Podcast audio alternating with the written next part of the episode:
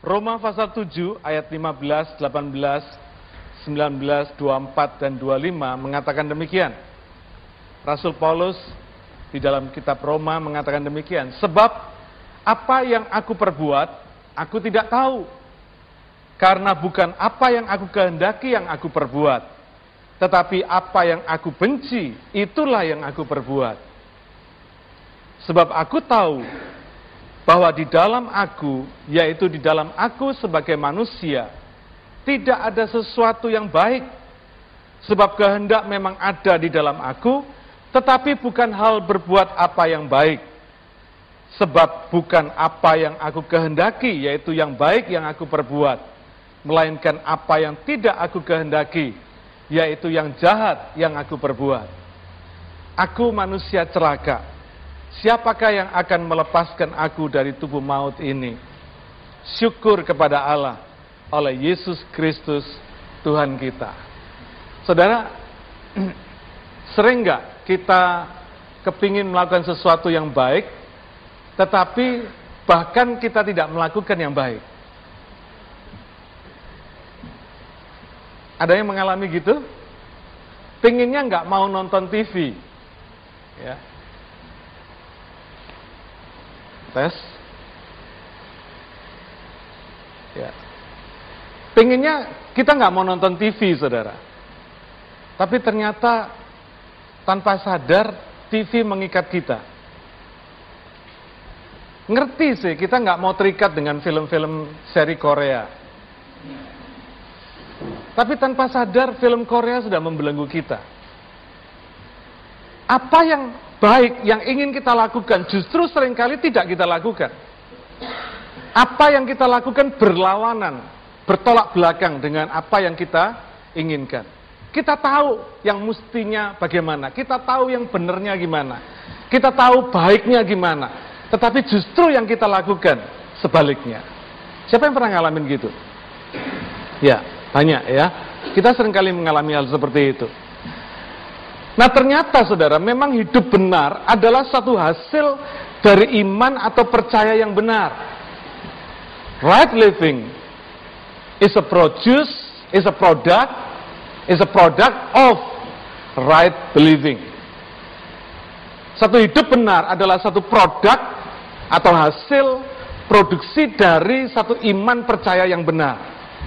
Yaitu kepada Tuhan Yesus Kristus. Puji Tuhan. Rasul Paulus tadi juga frustrasi. Dia berkata begini, aku manusia celaka. Siapa yang akan melepaskan aku dari tubuh maut ini? Ayat yang terakhir berkata, syukur kepada Allah oleh Yesus Kristus Tuhan kita. Karena itu saudara, tanpa Yesus tidak ada pengharapan manusia satupun di dunia ini untuk dia bisa hidup benar. Tapi puji Tuhan, karena ada Yesus, maka kita boleh hidup benar. Amin. Praise God. Puji Tuhan. Nah hari ini kita akan melihat apa dan bagaimana sih hidup beribadah kepada Yesus itu. Gimana sih the right living itu? The right believing itu. Bagaimana kita punya hidup yang beribadah kepada Yesus itu bagaimana? Ibadah yang benar itu bagaimana? Mari kita baca kitab Roma pasal 12 ayat yang ke-1. Roma 12 ayat 1. Firman Tuhan berkata demikian, karena itu saudara-saudara, demi kemurahan Allah, aku menasihatkan kamu, supaya kamu mempersembahkan tubuhmu sebagai persembahan yang hidup, yang kudus, dan yang berkenan kepada Allah. Itu adalah ibadahmu yang sejati. Saya ingin membacakan di dalam teks bahasa Inggrisnya yang saya ambil dari World English Bible berkata demikian, Therefore I urge you, brothers, by the mercies of God, to present your bodies a living sacrifice, holy, acceptable to God, which is your spiritual service. Saudara, saya lebih suka pakai bahasa Inggris ini karena di sini artinya lebih jelas. Artinya secara sederhana ibadah itu adalah korban. Ibadah adalah pengorbanan. Ibadah adalah satu sacrifice. Coba, saya kasih tahu kiri kanan saya. Ibadah adalah korban. Coba, saya ngomong. Supaya ingat, gampang. Ya. ibadah adalah korban atau sacrifice. Artinya tanpa pengorbanan itu bukan ibadah, saudara. Ya. Hidup yang beribadah itu adalah hidup yang berkorban. Hidup yang memberikan korban. Ya. Tanpa korban tidak ada ibadah. Saudara, sebetulnya agama-agama yang lain di dunia ini sudah ngerti prinsip ibadah ini. Seringkali enggak, sudah lihat, ada banyak orang yang melakukan ibadah agamanya dengan melakukan korban. Ya kan? Ada yang mempersembahkan sesuatu, ada yang potong ayam, ada yang kasih kaki babi, kepala babi dan sebagainya. Untuk apa? Memberikan persembahan kepada kepada Tuhan yang mereka sembah. Ada suatu pengorbanan. Ya. Nah, pertanyaannya sekarang korban yang bagaimana? Alkitab mengatakan, biarlah kita memberikan hidup ini sebagai korban, tapi korban yang bagaimana? Yang pertama dikatakan oleh Alkitab, korban yang hidup. Korban yang hidup, saudara. Bukan korban yang mati. Artinya, apa pun yang dikorbankan itu sesuatu yang hidup, disembelih, baru dia mati untuk korban, betul? Itu prinsipnya. Nah, korban yang hidup ini bicara tentang kerelaan, tentang kerelaan yang berkorban, tentang pilihannya sendiri untuk berkorban, tentang satu keikhlasan tanpa ada paksaan. Ini satu korban. Saya mau ambil contoh supaya kita lebih mengerti prinsipnya. Sudah ingat ketika kisah Abraham ingin mempersembahkan Ishak, ketika Tuhan mentes Abraham, untuk memberikan Ishak sebagai korban. Ishak satu-satunya anaknya Abraham yang diberikan oleh karena janji Tuhan supaya Abraham keturunan Abraham akan menjadi bangsa yang besar. Tetapi satu-satunya anak ini pun yang juga oleh Tuhan diminta untuk dikorbankan. Sudah ingat ya kisah itu? Mereka sama-sama pikul kayu, kayu bakar naik ke gunung, Lalu kemudian sampai di gunung Ishak tanya, Papa, mana korbannya? Mana domba korbannya?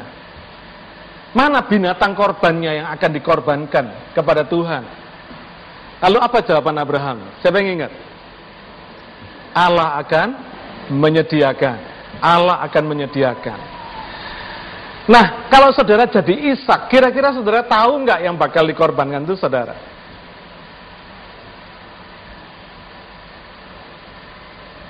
Nggak mungkin toh dia sama bapaknya naik ke atas gunung lalu cari dulu, ngejar binatang dulu. Karena orang Yahudi ngerti prinsip pengorbanan itu adalah yang terbaik, yang tak bercacat. Lalu kira-kira ketika sampai di atas, lalu di situ nggak ada kambing, nggak ada domba, nggak ada sapi yang bisa dikorbankan, lalu kira-kira gimana?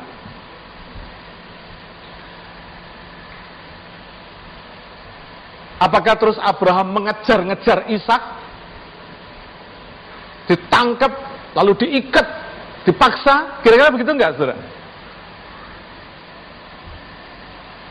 Apakah kira-kira Abraham sengaja diam-diam dari belakang Ishak dipegang, diikat?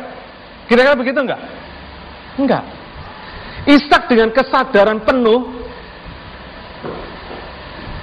dia mengatakan, ini aku Bapak. Dia kasihkan tangannya, dia kasihkan kakinya untuk diikat di atas mesbah. Ini yang dimaksudkan dengan korban yang hidup. Kalau korban yang mati, dia tidak punya pilihan, oh, sudah mati kok. Mau diapain aja nggak ada. Tapi Allah mau supaya korban yang kita berikan di dalam ibadah kita kepada Tuhan, itu adalah korban yang hidup, bukan korban yang mati. Bukan korban yang terpaksa, bukan korban yang no way out.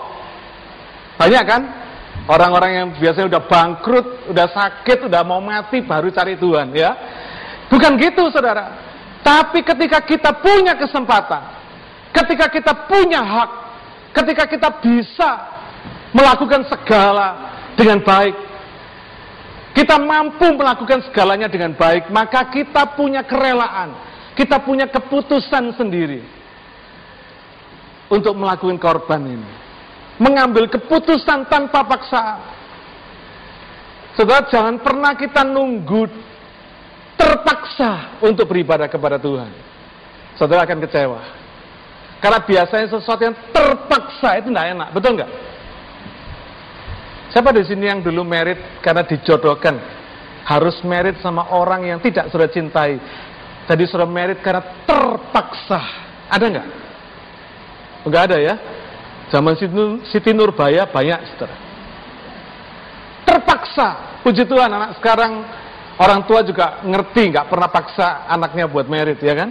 Tapi di zaman-zaman dahulu kala, orang yang terpaksa itu pasti tidak enak. Jadi korban yang hidup adalah korban yang atas pilihan sendiri. Bisa berkata tidak, tapi dia berkata ya dengan kerelaan. Ya dengan kesadaran. Ya dengan cinta. Itu korban yang hidup. Itu ibadah yang sejati firman Tuhan berkata. Yang kedua, korban yang kudus tak bercacat, tak bercela, korban yang the best. Jelas, ketika Rasul Paulus mengatakan hal ini, dia tidak mengacu kepada apa yang bisa kita lakukan sendiri. Tidak bicara tentang kekudusan kita sendiri. Tetapi bicara tentang kekudusan Yesus. Ya. Sesuci apa pun kita di hadapan Allah, kita tidak lebih dari kain kotor. Betul? Manusia itu sesuci apa pun, Dikatakan Alkitab kita tidak lebih dari kain kotor. Yesaya 64 ayat yang ke-6 berkata, Demikianlah kami sekalian seperti seorang najis, dan segala kesalehan kami, mungkin ayatnya tolong disampaikan di, di ini ya. Sudah?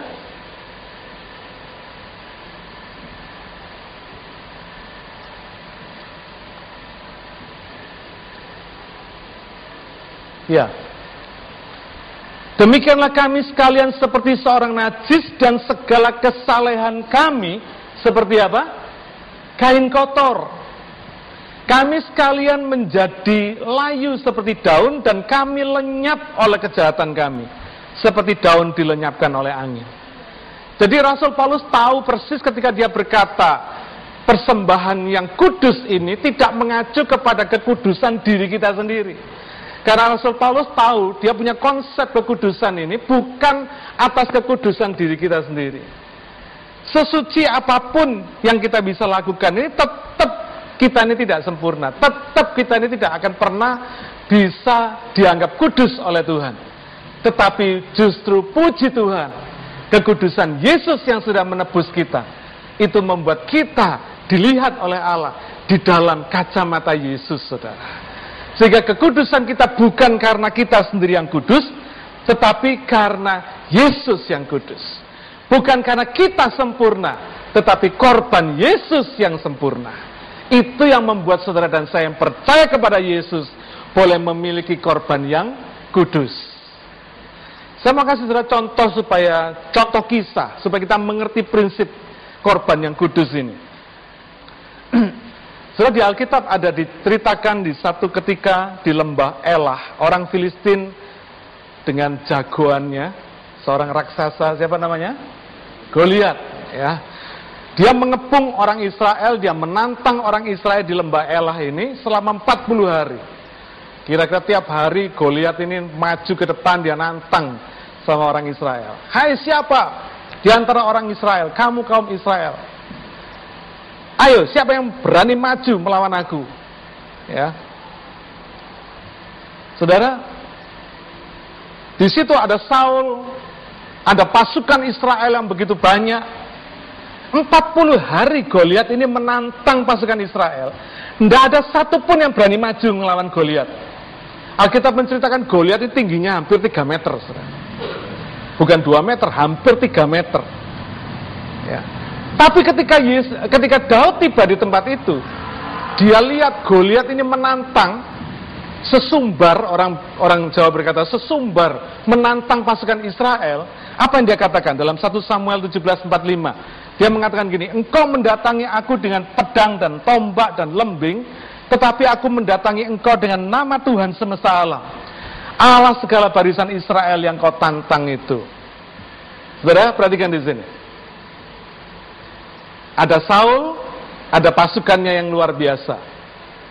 Ada Daud, anak imut-imut, masih muda, pipinya kemerahan, tidak pernah punya pengalaman perang, penjaga domba, kambing domba bapaknya, dia cuma biasa melawan beruang sama singa, ya.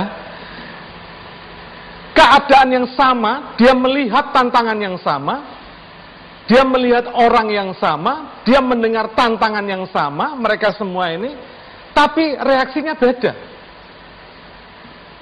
Saul dan pasukannya gemeter, ketakutan. Daud berani, tidak takut. Dia berkata, kamu cuma datang sama tombak dan lembing. Aku datang dengan nama Tuhan, kata Daud. Luar biasa ya. Sudah apa yang menyebabkan perbedaan ini? Keadaan sama, situasi sama, yang dilihat sama, yang didengar sama, tapi kenapa terjadi perbedaan? Dua perbedaan. Yang satu, situasi ini menimbulkan ketakutan di dalam diri Saul dan pasukannya. Yang satu menimbulkan keberanian, merupakan challenge. Apa yang menyebabkan itu? Sudah perhatikan, mereka berdua ini, dua keadaan, dua Daud dan Saul ini bersama pasukannya ini sama-sama orang Yahudi, betul? Mereka tahu betul mereka punya Taurat, betul? Mereka ngerti isinya Taurat. Mereka punya covenant, mereka punya perjanjian dengan Allah mereka yang hidup. Mereka tahu betul, sama-sama tahu. Bedanya apa? Bedanya Saul dan pasukannya ini tidak percaya. Punya perjanjian, tapi tidak percaya. Daud punya perjanjian, tapi dia percaya. Dan dia berani bertindak di atas perjanjian yang Tuhan sudah berikan. Akhirnya kita tahu cerita akhirnya. Daud berhasil mengalahkan Goliat, tumbang Goliat dengan satu butir batu yang dilemparkan oleh Daud melalui anting-antingnya. Saul dan pasukannya cuma melihat, nonton. Nah, saya mau tanya sama saudara. Kira-kira baik mana Daud sama Saul ini? Di pandangan Tuhan, kira-kira Daud sama Saul ini baik mana?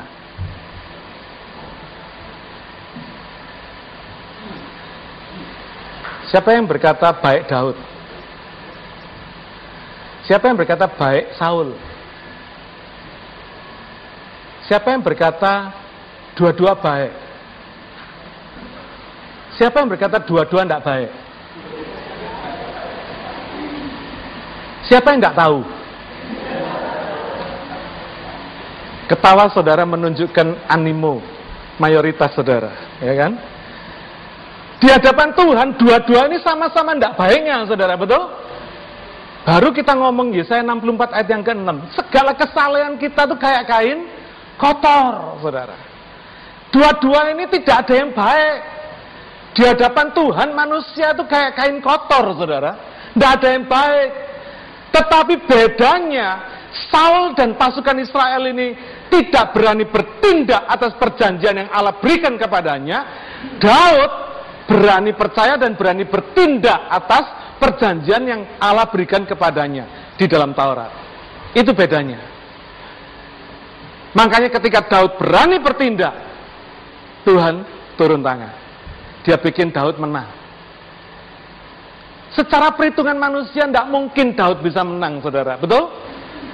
Lawang dia lawan Goliat, Daudnya imut-imut kecil mungkin, mungkin ya saya nggak tahu. Kira-kira bodinya Daud itu mungkin saones gini kira-kira. Kecil, langsing, imut-imut gitu kira-kira ya. Diadu sama Goliat yang tingginya 3 meter itu mesti kalah saudara. Di pandangan manusia itu udah pasti kalah. Goliat pegang tombak lembing yang beratnya luar biasa. Kira-kira tombak lembingnya Daud uh, Goliat itu beratnya 25 kilo kira-kira kalau dihitung dari Alkitab yang katakan 25 kilo. Kuatnya seberapa? Nah, Daud mungkin ngangkat, ngangkat tombaknya sudah meyek-meyek saking beratnya. Jadi di dalam perhitungan manusia tidak mungkin Daud ini bisa mengalahkan Goliat. Yang pasukan tempurnya Saul yang begitu berpengalaman pun takut sama Goliat.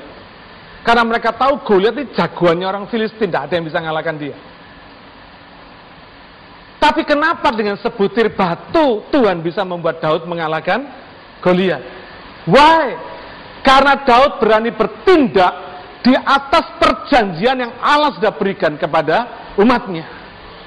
Nah sekarang saya mau ajak saudara membandingkan keadaan ini dengan keadaan saudara dan saya hari ini.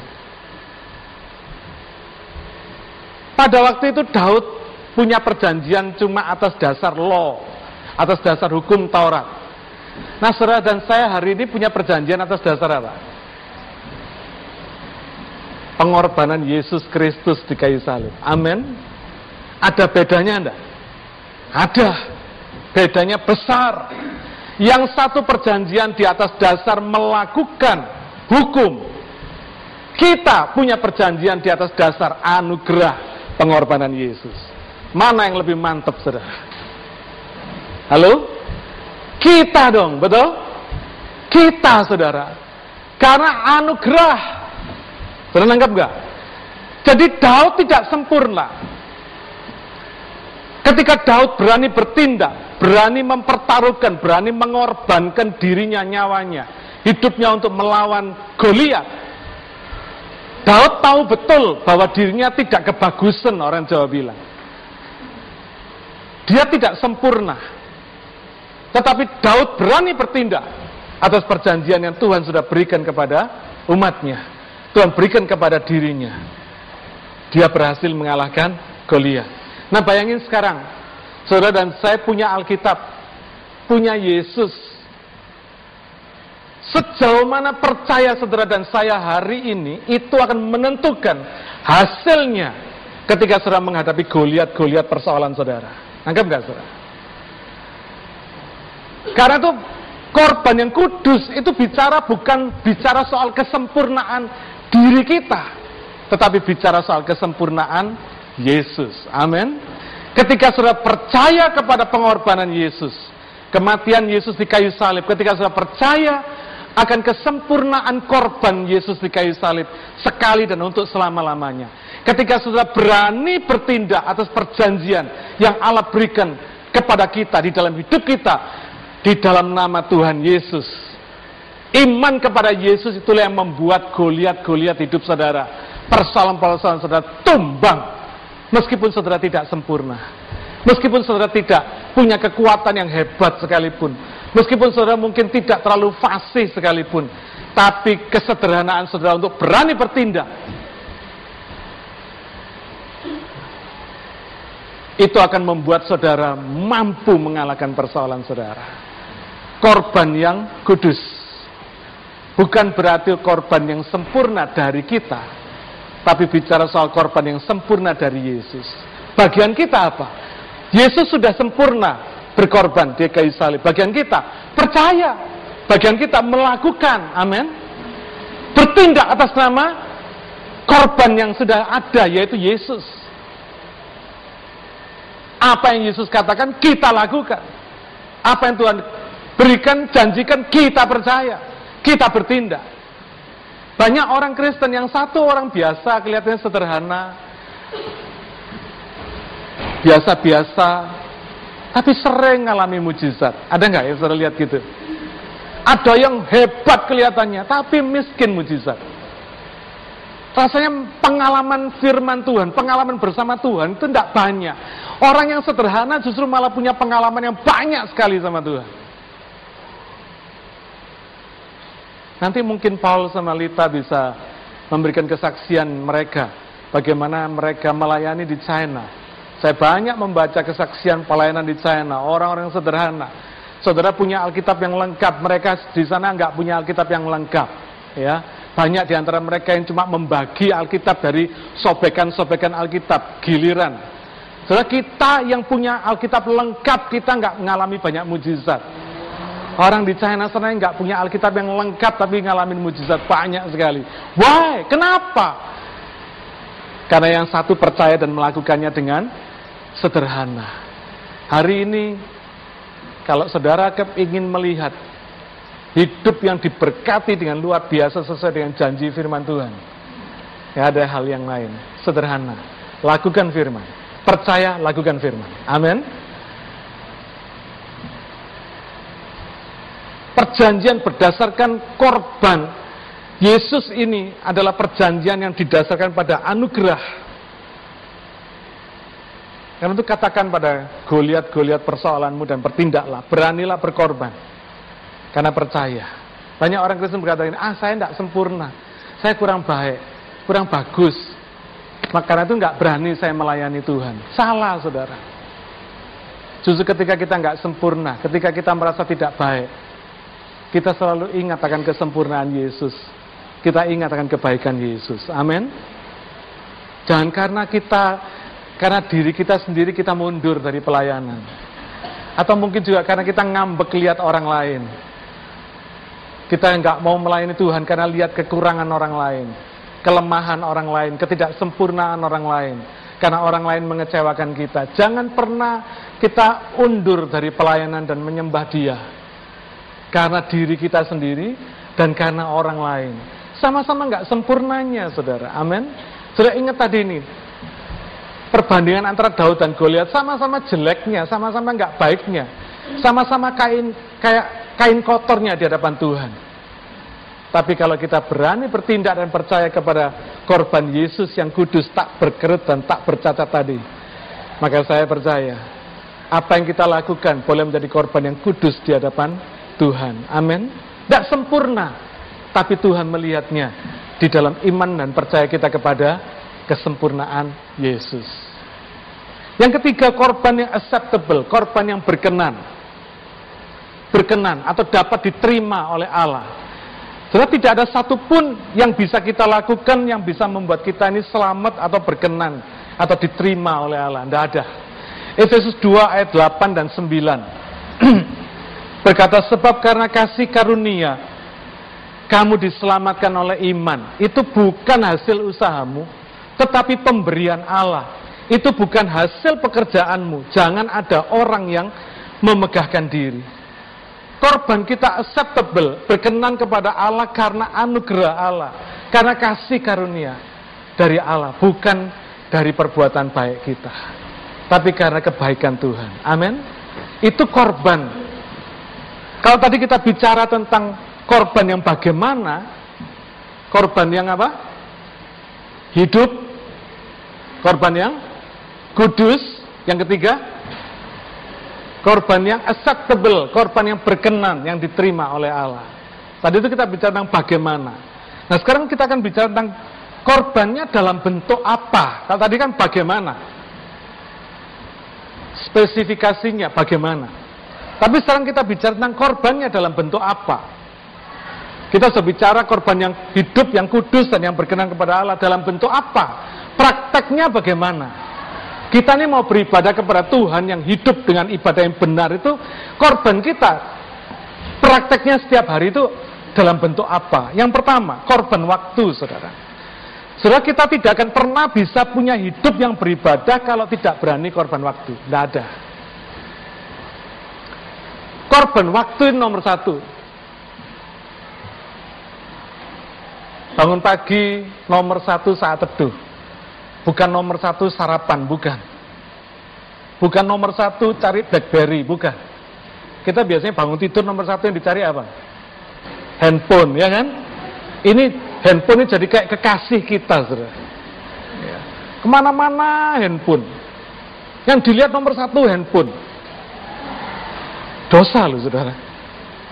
Yang mestinya dicari nomor satu bangun tidur Tuhan. Amin.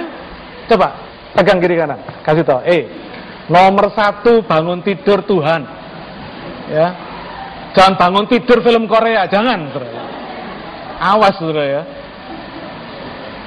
Bangun tidur apa? Tuhan. Korban waktu, saudara. Ibadah itu mesti berani korban waktu. Kalau kita nggak berani korban waktu, nonsense. Jangan pernah bicara soal ibadah. Nomor satu waktu, berani nggak sih kita korbankan waktu buat Tuhan? Cari Tuhan, saat teduh, baca Alkitab, doa, merenungkan firman. Semua itu butuh waktu. Waktu untuk ke gereja, itu korban loh saudara. Saudara enak-enak mestinya hari Minggu sudah bisa bangun siang. Eh ingat, ke gereja. Mesti bangun pagi lagi, betul nggak? Korban waktu saudara. Ke gereja. Korban untuk ikut Bible study. Korban. Kalau tidak ada korban, tidak mungkin saudara bisa beribadah kepada Tuhan. Betul? Karena Tuhan tuh bicara ibadah itu soal korban. Nomor satu korban waktu, saudara. Waktu untuk latihan musik. Saya appreciate sekali bagi saudara yang ada di dalam tim praise and worship. Yang tidak kenal lelah. Setiap Sabtu, jam 1 sampai jam 3, sekarang ini latihan buat kebaktian CLC jam 3 sampai jam 5, kebaktian untuk The Brigades. Tiap minggu, tiap Sabtu, tidak pernah berhenti sepanjang tahun. Kita mesti appreciate itu, saudara. Amin. Ya. Berani korban, latihan vokal. Mau vokalnya bagus, nggak mau latihan. Mau vokalnya bagus, makanya gorengan terus. Ya suara suaranya jadi cempreng, saudara. Betul nggak?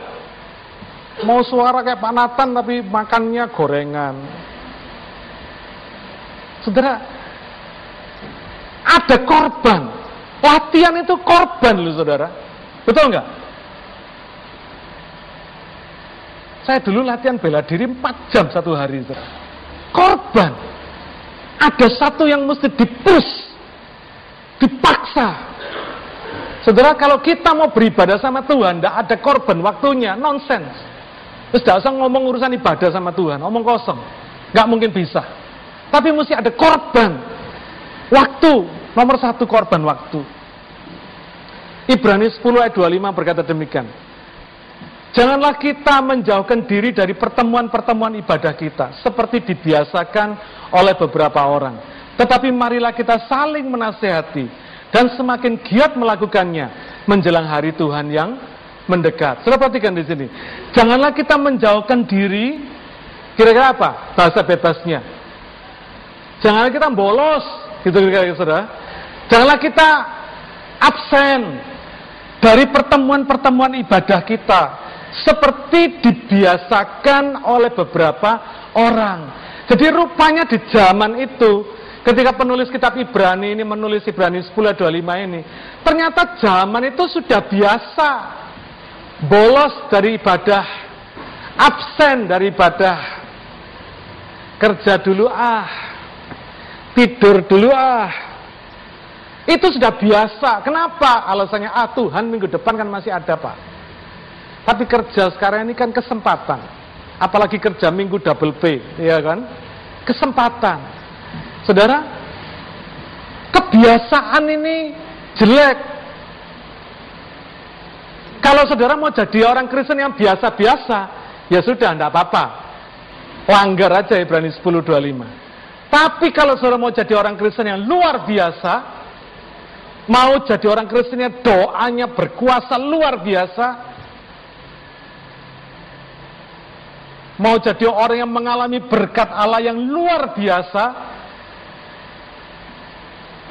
mau mengalami sukses dalam pekerjaan, sukses dalam pelayanan yang luar biasa, pengen punya rumah tangga yang luar biasa, pengen suaminya, istrinya, anak-anaknya, orang tuanya, saudara-saudaranya luar biasa. Jangan jadi orang Kristen yang biasa-biasa. Amin. Maunya kan kita kan gitu saudara. Kalau bisa jadi orang Kristen yang biasa-biasa aja lah. yang bolos-bolos gini loh saudara.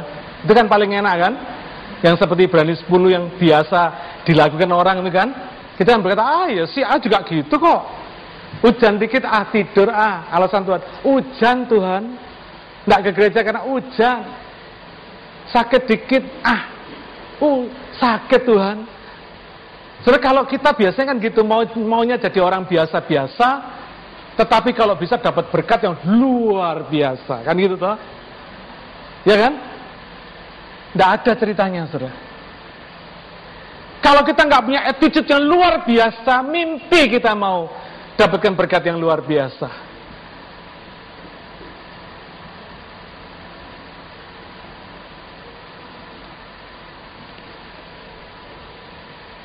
Korban waktu. Yang kedua, korban materi.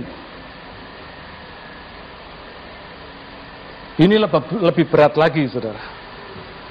Kalau korban waktunya aja nggak berani, apalagi korban dompet. Korban materi lebih menyengsarakan lagi, saudara. Ini lebih lebih mengandung penderitaan lagi.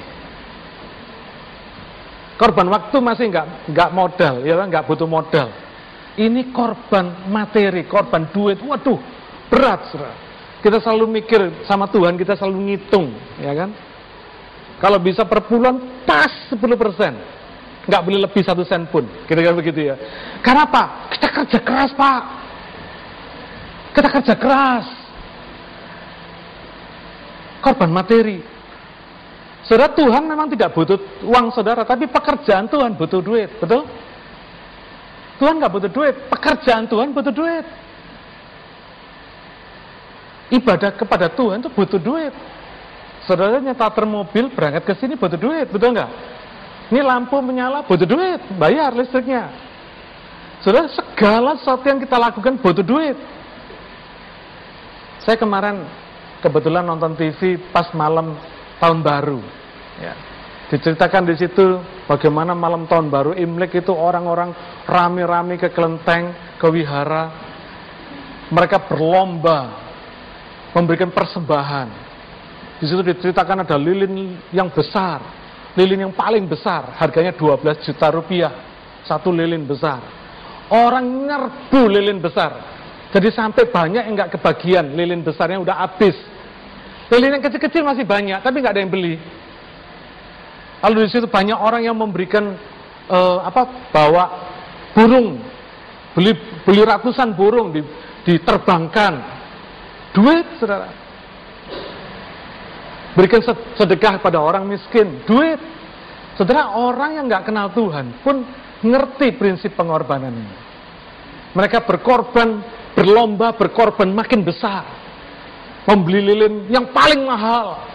Karena anggapan mereka kalau mereka memberi persembahan yang besar, mereka akan dapat berkat yang besar juga. Ada betulnya dalam satu sisi.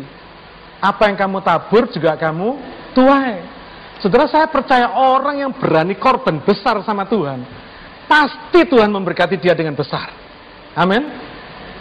Pasti saudara. Karena apa? Alkitab berkata apa? Ukuran yang kamu pakai untuk mengukur akan diukurkan kepadamu juga. Itu Alkitab berkata. Ya. Operasional gereja perlu uang. Ya. Kemarin kita perlu beli lemari untuk tempat perjamuan kudus. Puji Tuhan, thank you buat jemaat yang generous, yang sudah memberikan persembahan ya kepada Kosanto kemarin dilaporkan sudah ada 240 dolar yang masuk. Biayanya pembeliannya 240 eh yang masuk 210, yang masuk 210. Sudah luar biasa. Thank you buat jemaat yang luar biasa. Kita masih butuh library 290 sudah dapat 290. Wah, luar biasa. Harga library-nya, lemari library-nya 299 kalau nggak salah ya. Eh, 289. Jadi udah udah udah nutup ya, udah pas. Oh, belum. Oh, baru 250. Oh, harga harga lemari library-nya 290. Kemarin persembahan yang masuk dari jemaat 250. Puji Tuhan, hebat, Bro. Ya. Luar biasa jemaat CLC ini. Tepuk tangan dong. Praise God. Ya, thank you buat jemaat yang luar biasa ini. Ya. Saya percaya kalau Santo kemarin bilang minggu ini masih ada yang janji Pak katanya. Masih ada yang punya janji iman. Saya percaya apa yang dibutuhkan Tuhan pasti cukupkan. Amin. Saya percaya jemaat yang generas pasti diberkati dengan generas. Kalau sama Tuhan hitung-hitungan salah besar saudara. Karena Tuhan nggak pernah hitung-hitungan sama kita. Ya. Pelayanan misi butuh duit.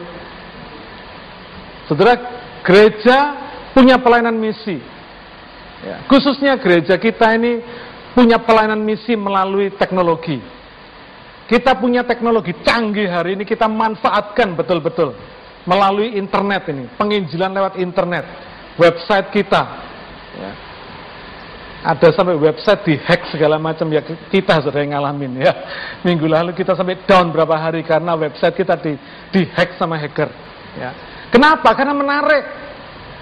Satu tahun website kita dihadiri oleh orang yang masuk ke website kita lebih dari 30 ribu orang. Kita punya jemaat global lebih dari 5 ribu orang saat ini. Sudah bisa bayangin. Karena teknologi. Amin. Kita manfaatkan teknologi. Nah, karena kita memanfaatkan teknologi ini, maka kita mesti konsisten. Produk kita mesti bagus. Roni ini menjaga website kita dengan baik, menjaga live broadcast kita. Kita kebaktian disiarkan langsung ke seluruh dunia melalui kamera di belakang itu, saudara. Jadi sementara kita kebaktian di sini, ketika sementara kita menyembah Tuhan, bawakan firman Tuhan di sini, seluruh dunia lihat kita semua secara langsung. Banyak gereja yang tidak memanfaatkan teknologi pada hari ini. Keliru. Karena teknologi ini yang bikin Tuhan. Amin. Kita manfaatkan. Karena itu hari ini kita gunakan teknologi ini untuk bisa menjangkau dunia, menjangkau pelayanan misi. Konsekuensinya apa? Produk teknologi kita juga harus baik, harus bagus. Kalau saudara lihat video lalu belerek-belerek gelap, saudara mata saudara sakit juga, betul nggak? Saudara nggak akan mau lihat video yang belerek-belerek gitu saudara ya, yang gelap yang harus mencicil dulu baru kelihatan. Saudara pasti gak akan keberatan seperti itu karena sudah tuntutan zaman. Setan aja bisa produk satu hasil yang bagus. Kenapa kita enggak? Malu kan? Teknologi yang bikin Tuhan, tapi produksi orang Kristen jelek-jelek. Malu saudara mestinya. Saya punya target sebentar lagi kamera dua itu mesti ganti kamera yang sesungguhnya. Kamera yang sebagaimana mestinya, ya kan? Ini kamera, kamera bukan profesional nih saudara, kamera yang dipakai ini. Tapi lumayanlah kira-kira begitu. Ada peribahasa bilang tidak ada akar, eh, tidak ada rotan, akar pun berguna. Sementara belum ada kamera yang bagus, kamera yang biasa pun jadi. Yang penting jalan dulu, amin. Sebab pelayanan misi itu butuh duit, saudara. Untuk bisa memproduksi video yang baik, kita mesti punya lighting yang bagus. Kita masih perlu lighting. Perlu perlu beli lighting. Kira-kira lighting ini kita perlu beli dua lampu lagi. Seribu dolar kira-kira. Lalu kita diminta oleh CGN TV. Tahun ini CGN TV mulai buka di Indonesia. Kita diminta untuk bikin program. 25 menit sampai 50 menit untuk produksi continue untuk program-program CGN TV di Indonesia. 250 juta orang di Indonesia akan melihat program kita, saudara. Butuh waktu, butuh alat, butuh alat rekam. Kita perlu beli alat rekam 900 dolar. Saudara, supaya kita bisa memproduksi program berbahasa Indonesia bekerja sama dengan CGN TV Korea. Pelayanan misi butuh dana. Amin. Bible training kita yang di SOE sekarang sudah ditingkatkan menjadi status sekolah tinggi teologi SOE. Kenapa strateginya? Karena di Indonesia sekarang ini pemerintah bikin peraturan yang bisa jadi guru agama Kristen itu harus sarjana teologi. Sedangkan lulusan sarjana teologi jarang ada yang mau jadi guru agama Kristen, saudara. Yang lulusan sarjana teologi rame-rame mau kerja di gereja. Karena apa? Duitnya banyak. Kalau jadi guru agama Kristen, duitnya sedikit, bayarannya sedikit. Karena itu Bible training kita di SOE. Sekarang kita ganti jadi sekolah tinggi teologi ya. untuk mencetak guru-guru agama Kristen. Saya tahu akibatnya apa? Selama ini guru-guru agama Kristen di Indonesia itu bukan lulusan sarjana. Pokoknya pendeta mau ngajar agama Kristen, jadi guru agama Kristen. Sekarang tidak boleh. Akibatnya di sekolah-sekolah di Indonesia sekarang, tidak ada guru agama Kristen, saudara. Loh yang sarjana teologi tidak mau jadi guru agama Kristen. Maunya pelayanan di gereja. Karena itu STT SOE kita ini. Kita siapkan untuk mencetak guru-guru agama Kristen. Kemarin saya dapat kabar dari mereka. Library mereka perlu buku supaya mereka bisa diakreditasi secara nasional. Dari lulusan STT SOE ini bisa diakui oleh Indonesia menjadi guru agama Kristen, menjadi sarjana yang penuh diakui oleh negara. Kira-kira begitu, saudara. Butuh duit, dalam hati saya, aduh butuh duit. Berapa? 30, ribu, uh, 30 juta rupiah. Kalau di sini uangnya kira-kira 3 ribu dolar.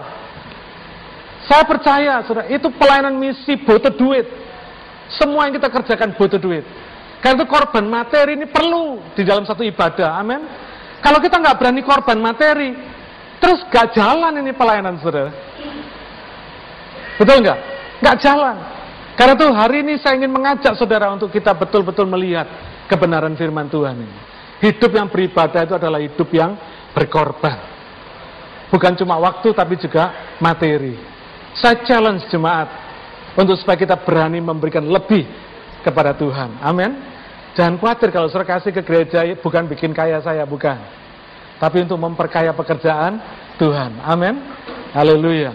Yang ketiga, korban pikiran dan perasaan. Kita beribadah kepada Tuhan tidak bisa lepas dari melayani Tuhan. Tadi sudah saya singgung sedikit. Kalau saya beribadah sama Tuhan, cepat atau lambat, Tuhan ingin saudara melayani dia. Amin. Nah kalau kita melayani Tuhan, kita nggak bisa lepas dari melayani sesama. Melayani orang, melayani manusia. Karena apa? Tuhan nggak kelihatan, orang yang kelihatan. Karena itu pelayanan kita kepada Tuhan adalah pelayanan melalui manusia yang kelihatan. Nah kalau melayani manusia, kita pasti akan mengalami korban pikiran dan korban perasaan ini. Betul nggak? Siapa yang pernah ngalamin korban pikiran, korban perasaan ini? Ya. Saudara jangan pernah mimpi kadang-kadang melayani manusia itu bukan dikasih terima kasih itu sudah happy, Saudara. Kadang-kadang bukan terima kasih yang ada yang didapat, tapi omelan yang didapat. Ada yang ngalamin gitu? Sudah ngelayani baik-baik, sungguh-sungguh, tulus ikhlas, masih diomelin, masih disalahin kurang ini, kurang itu, kurang ini, kurang itu. Manusia itu begitu, saudara. Tidak pernah ada yang puas. Tidak bisa sudah memuaskan orang itu, tidak bisa. Karena itu jangan pernah kecewa sama manusia, amin. Kalau sudah melayani Tuhan, jangan lihat manusianya, fokus sama Tuhan. Sudah nggak akan kecewa. Ibadah kepada Tuhan membutuhkan fokus yang terus menerus kepada Tuhan, bukan kepada manusia. Jadi kalau ada orang yang menjelekkan saudara, jangan kecil hati, jangan sakit hati. Tetap layani dia. Kenapa? Berarti saudara lebih baik dari dia. Karena itu dia perlu menjelekkan saudara, karena saudara lebih baik dari dia, betul? Kalau ada orang yang ngerasani saudara ngomong di belakang saudara, jangan kecil hati, jangan kecewa. Tandanya saudara sudah di depan dia, dia masih di belakang. Saudara sudah di depan, amin.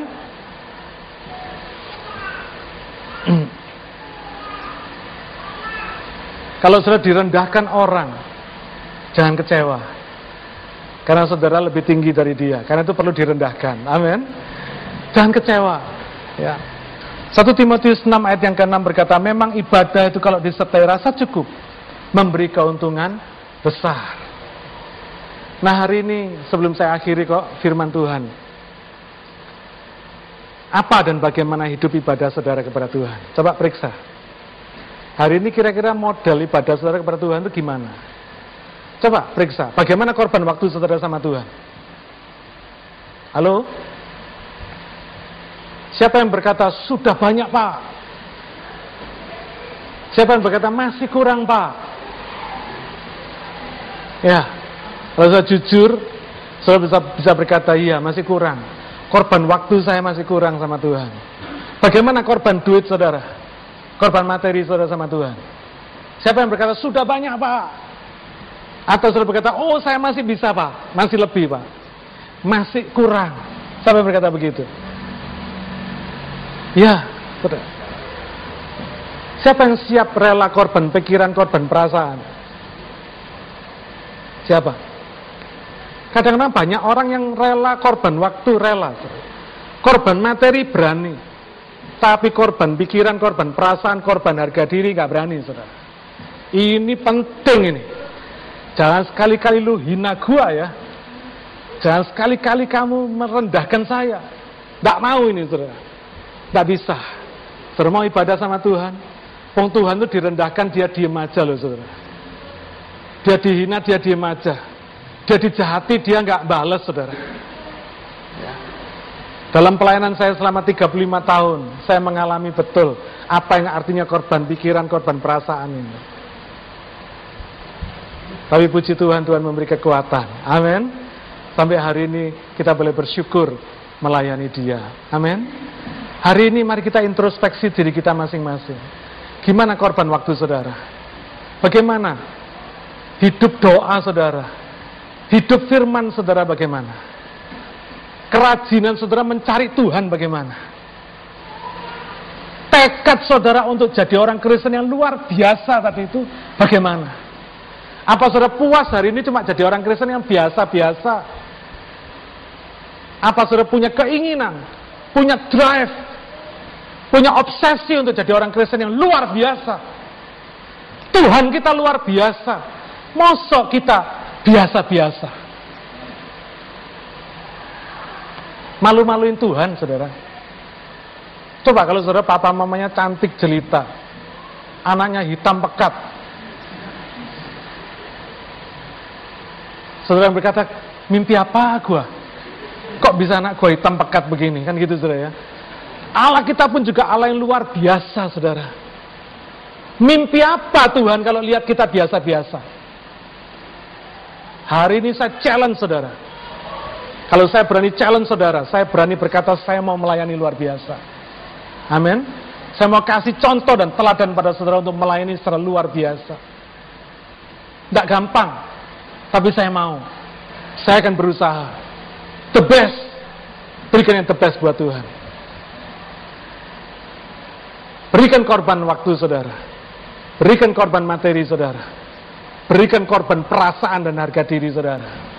Marilah kita beribadah dengan benar di hadapan Tuhan. Amin.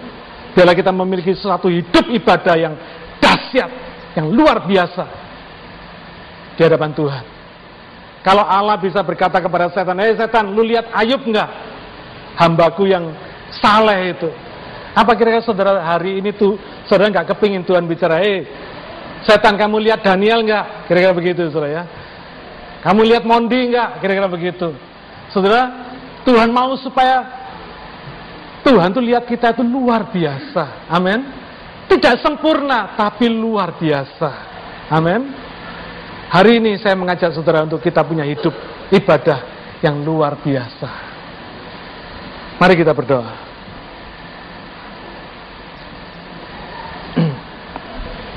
Bapak Surgawi, hambamu sudah selesai bicara. Dengan segala keterbatasan dan kekurangan hambamu ini. Tapi kami percaya roh kudus engkau tidak tinggal diam. Engkau akan melanjutkan dan menyempurnakan apa yang kurang. Apa yang kurang lengkap. Apa yang lemah engkau kuatkan. Meteraikan firmanmu di dalam hati pikiran kami semua. Supaya kami boleh menjadi anak-anakmu yang luar biasa tidak menjadi orang Kristen yang biasa-biasa, tapi luar biasa untuk kemuliaan Tuhan.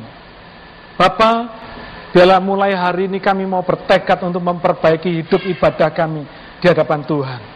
Di tahun yang baru ini, berikan kepada kami semangat yang baru, tekad yang baru, keberanian yang baru, ketaatan yang baru, supaya kami boleh beribadah kepadamu Tuhan dengan benar dan berkenan di hatimu. Terima kasih Bapak. Biarlah Engkau terjemahkan setiap firman-Mu di dalam detail-detail kehidupan kita setiap hari. Terima kasih Tuhan. Terpujilah namamu. Dalam nama Tuhan Yesus kami berdoa. Amin. Tuhan memberkati saudara.